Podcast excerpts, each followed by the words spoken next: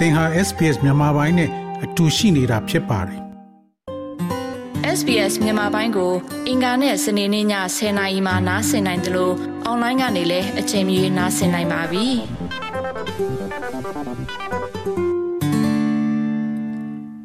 သောရရှိများယခုတင်ဆက်ပေးမှာတော့ခြေချနေထိုင်ခြင်းလမ်းညွန်ထဲကရွေးချယ်ထားတဲ့ဩစတြေးလျမှာသင်ကားကိုရောင်းချခြင်း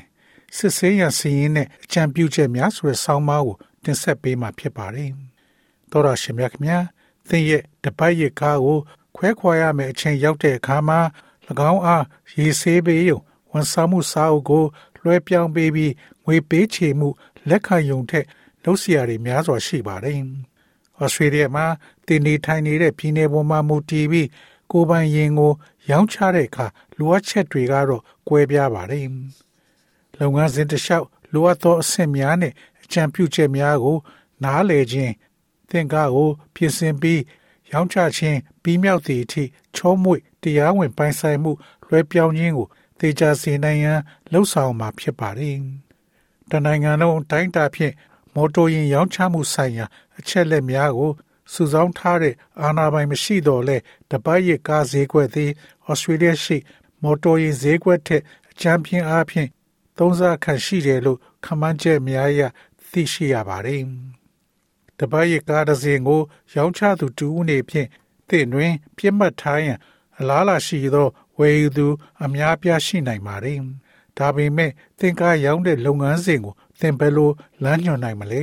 ။ New South Wales Fair Trading မှာစီမင်းစည်းကမ်းဆိုင်ရာထိတွေ့ဆက်ဆံမှုဒါရိုက်တာ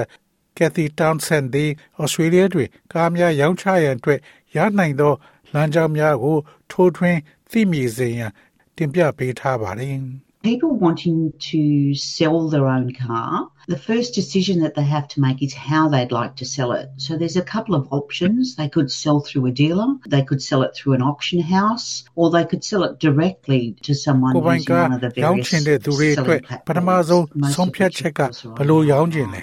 ထို့ကြောင့်ရွေးချယ်စရာတစ်ခုရှိပါတယ်အယောင်ကိုယ်စလေမှတစ်ဆင့်ရောင်းချနိုင်သလို၎ င်းကို လေလံမှတစ်ဆင့်လဲရောင်းချနိုင်ပါတယ်သို့မဟုတ်အမျိုးမျိုးသောအယောင် platform များထဲမှတစ်ခုကိုအသုံးပြုနေတဲ့တစ်စုံတစ်ဦးထံဓာတ်ရိုက်ရောင်းချနိုင်ပါတယ်အများစုမှာယခုအခါ online ကနေရောင်းချကြပါတယ်ကဏ္ဍဝင်ကားဟောင်းနဲ့စုဆောင်းသူ မော်တော်ကားများအတွက်တမန်အားဖြင့်ဖြစ်လေရှိတဲ့အယောင်ကိုယ်စားလှယ်သို့မဟုတ် auction house တစ်ခုမှတစ်ဆင့်ရောင်းချခြင်းသည်အယောင်လုပ်ငန်းစဉ်ကို ပြားများခြင်းအခက်အခဲများကိုဖယ်ရှားပေးနိုင်ပါတယ်။ဒါပေမဲ့သင်ရဲ့ရောင်းဈေးကိုမြင့်တင်ခွင့်တော့မပေးပါဘူး။သင်ကားကိုရောင်းချတဲ့အခါအမျက်ဆုံးရရှိရန်ရည်မှန်းထားသောကြောင့်ကား dealership ရောင်းဝယ်ရေးမှတစ်ဆင့်ရောင်းချခြင်းနဲ့ဆက်ဆက်သောကုန်ကျစရိတ်များကိုထည့်သွင်းစဉ်းစားရန်အရေးကြီးပါတယ်။တနည်းအားဖြင့်လေလံတင်ပွဲကိုသင်ရွေးချယ်ပါက ရောင်းစည်းရဲ့ပြတ်မြတ် 30ကနေ15ရာခိုင်နှုန်းခန့်ရှိသောကော်မရှင်တရက်ကို ပေးဆောင်ရမယ်လို့ Miss Townsend ကပြောဆိုပါတယ်။လူတူဦးချင်းရောင်းချမှုတွင်သင်ရဲ့မှတ်ပုံတင်စာရွက်များကိုအလွယ်တကူရရှိနိုင်ရန်အရေးကြီးပါတယ်။ Any buyer is going to want to verify the vehicle against the registration papers, and they may even ask to verify that you are the actual owner. So, ask, for example, your license to verify that. They'll also want to check the vehicle details. So, they may want information such as the VIN or chassis numbers, which are available on the registration မည်သူမ papers. ဆို And this is ဝယ်ယူ mainly သူ so that သည် they can do မှ a တ်ပုံ check တင် to စာ see ရွက် if there's များနှင့် any money ကိုက်ညီ owing on သော the ယင်း car ကို to the စီစစ် person လိုပြီး involved. သင်သည်အမှန်တကယ်ပိုင်ရှင်ဖြစ်ကြောင်းစီစစ်ရန်တောင်းဆိုနိုင်ပါတယ်။ထို့ကြောင့်ယင်းကိုစစ်ဆေးရန်သင်လိုင်စင်ကိုဥပမာတောင်းနိုင်ပါတယ်။ယင်းအသေးစိတ်ကိုလည်းစစ်ဆေးခြင်းကြပါလိမ့်မယ်။ထို့ကြောင့် မှတ်ပုံတင်စာရွက်များတွင်ရရှိနိုင်သော VIN သို့မဟုတ် chassis number များကဲ့သို့သော အချက်လက်များကိုသူတို့လိုချင်ပါလိမ့်မယ်။ဒါကအဓိကအားဖြင့်ကားပေါ်မှာအကျွေးရှိမရှိစစ်ဆေးဖို့ personal property security register ကနေတဆင့်စစ်ဆေးနိုင်ပါတယ်။သင်ကားကိုသီးသန့်ရောင်းချရန်ကြုံညာတဲ့အခါမှာရင်းရဲ့အခြေအနေနဲ့အိုမင်းချင်းကြောင့်တဘာဝအတိုင်းမလွဲမသွေ ဖြစ်ပေါ်တဲ့ပျက်စီးမှုနဲ့ပတ်သက်၍ရိုးသားမှုဟာအရေးကြီးပါတယ်။ online platform ကဲ့သို့ Carl Says ကိုသုံးစွဲသူဈေးကွက်ရှာဖွေရေးမန်နေဂျာ Kara Faila ကယခုလိုရှင်းပြပါတယ်။ all around transparency. So being transparent and upfront in conversation and in the comment section of your listing about the car's history and any imperfections that the buyer might like to be made aware of. And this will really help when you do eventually meet with potential buyers in person during inspection. ထို့ကြောင့်ကားရဲ့သမိုင်းကြောင်းနဲ့ပတ်သက်ပြီးသင်ရဲ့စည်ရင်ရဲ့မှတ်ချက်များကဏ္ဍမှာစကားပြောဆိုမှုတွေပွင့်လင်းမြင်သာမှုရှိခြင်းနှင့် ဝယ်သူသတိပြုမိစေမိအပြည့်စုံကိုကြိုသိထားပါ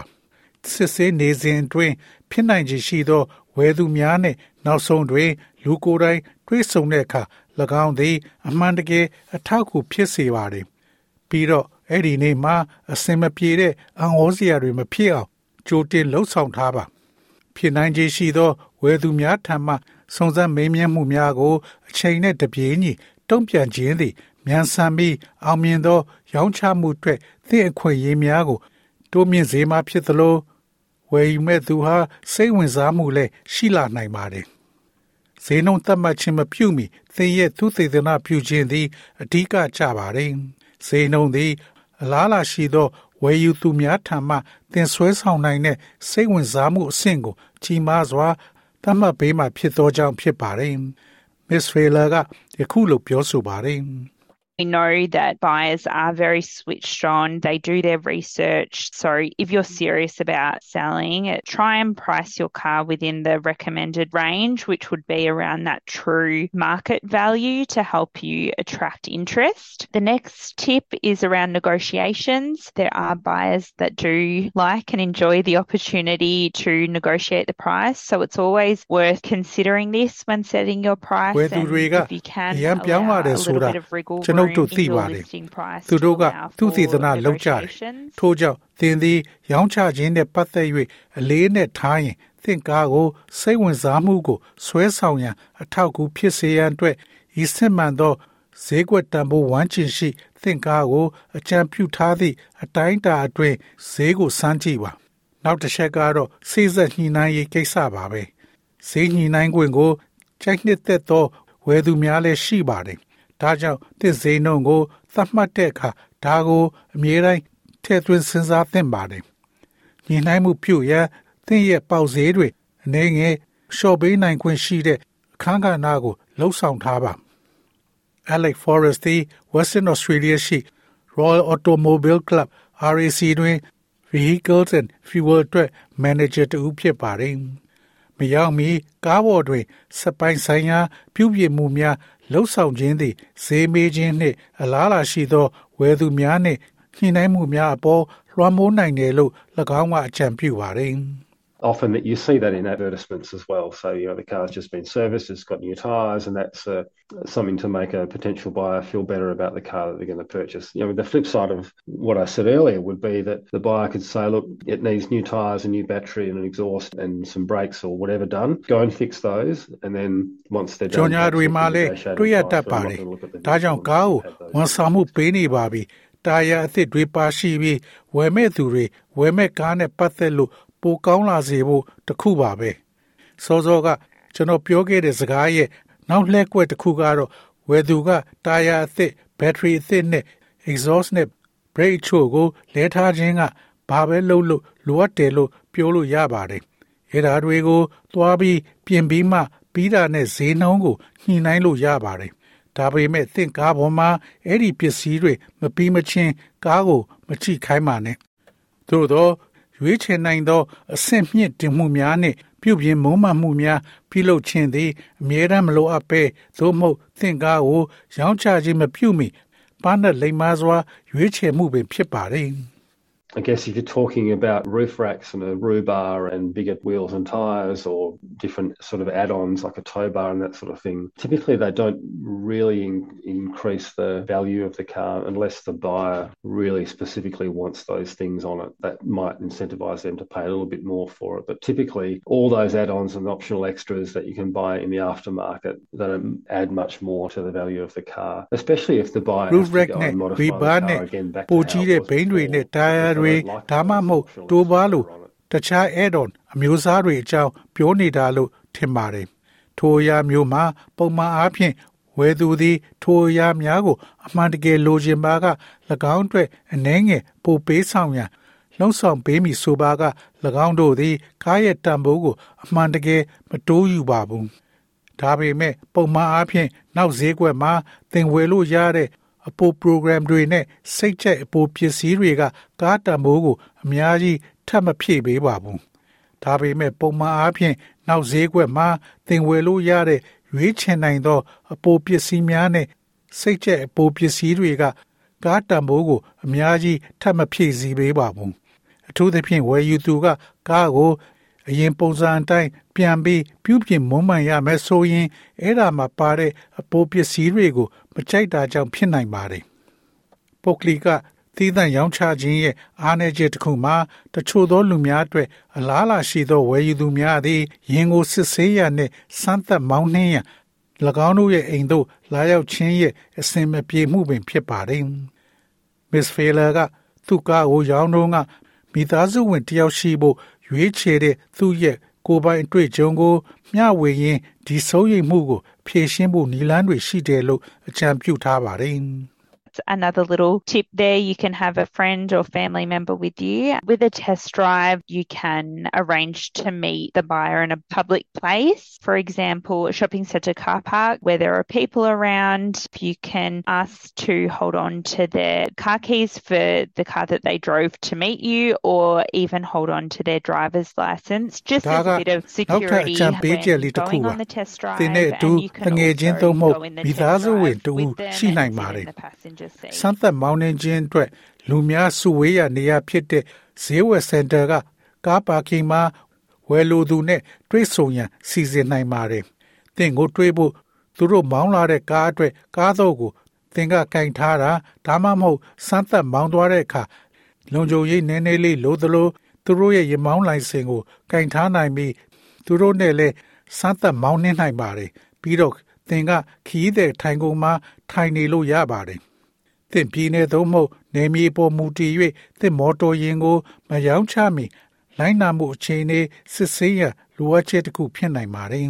။ Mr. Forrest ကထပ်မံပြောဆိုပါတယ်။ Victoria, whenever a vehicle is bought and sold, it needs to come with a recent roadworthy certificate, and that's not required in Western Australia. So there's a significant difference in the vehicle checks that are required by law across the different states in Australia, and then there are also the vehicle mechanical Victoria condition checks ကားတစ်စင်းဝယ်ရောက်တိုင်းမချသေးမီကလမ်းပန်းဆက်သွယ်ရေးနဲ့ထိုက်တန်တဲ့ roadworthy certificate လက်မှတ်ပါဖို့လိုအပ်ပါတယ်။နောက် Australia မှာဒါကမလိုအပ်ပါဘူး။ ထို့ကြောင့်ဩစတြေးလျရှိ မတူညီသောပြည်နယ်များတွင် ဥပဒေအရလိုအပ်သောယင်စစ်ဆေးမှုများတွင်တိသာထင်ရှားသောကွာခြားချက်များရှိပါသည်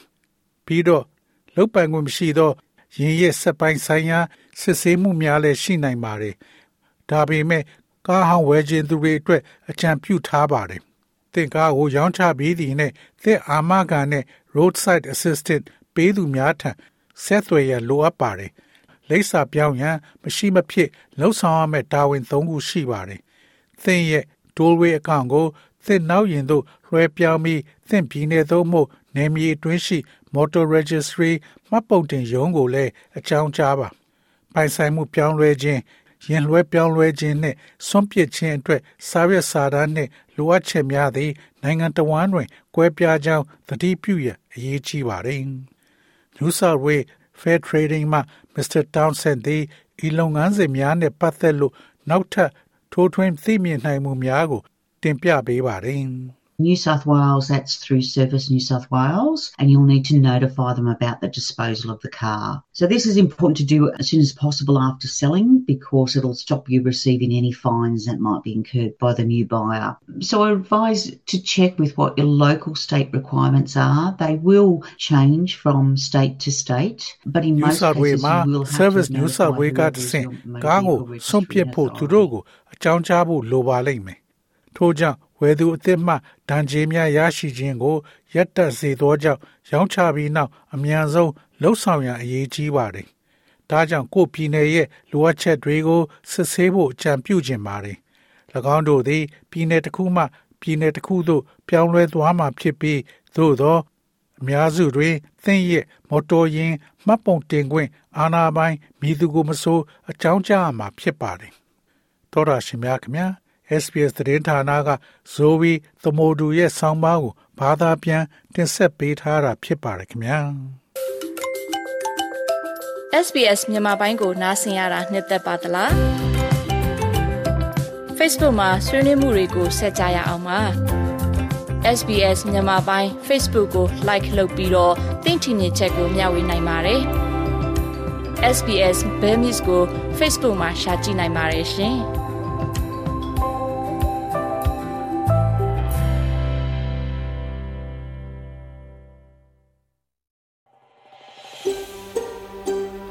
ဒါမျိုးသတင်းဆောင်မတွေကိုပိုနားဆင်လိုပါလား Apple Podcast Google Podcast Spotify တို့မှာသင်ပင်ရာဖြစ်ဖြစ်ရယူတဲ့ podcast ကနေပါ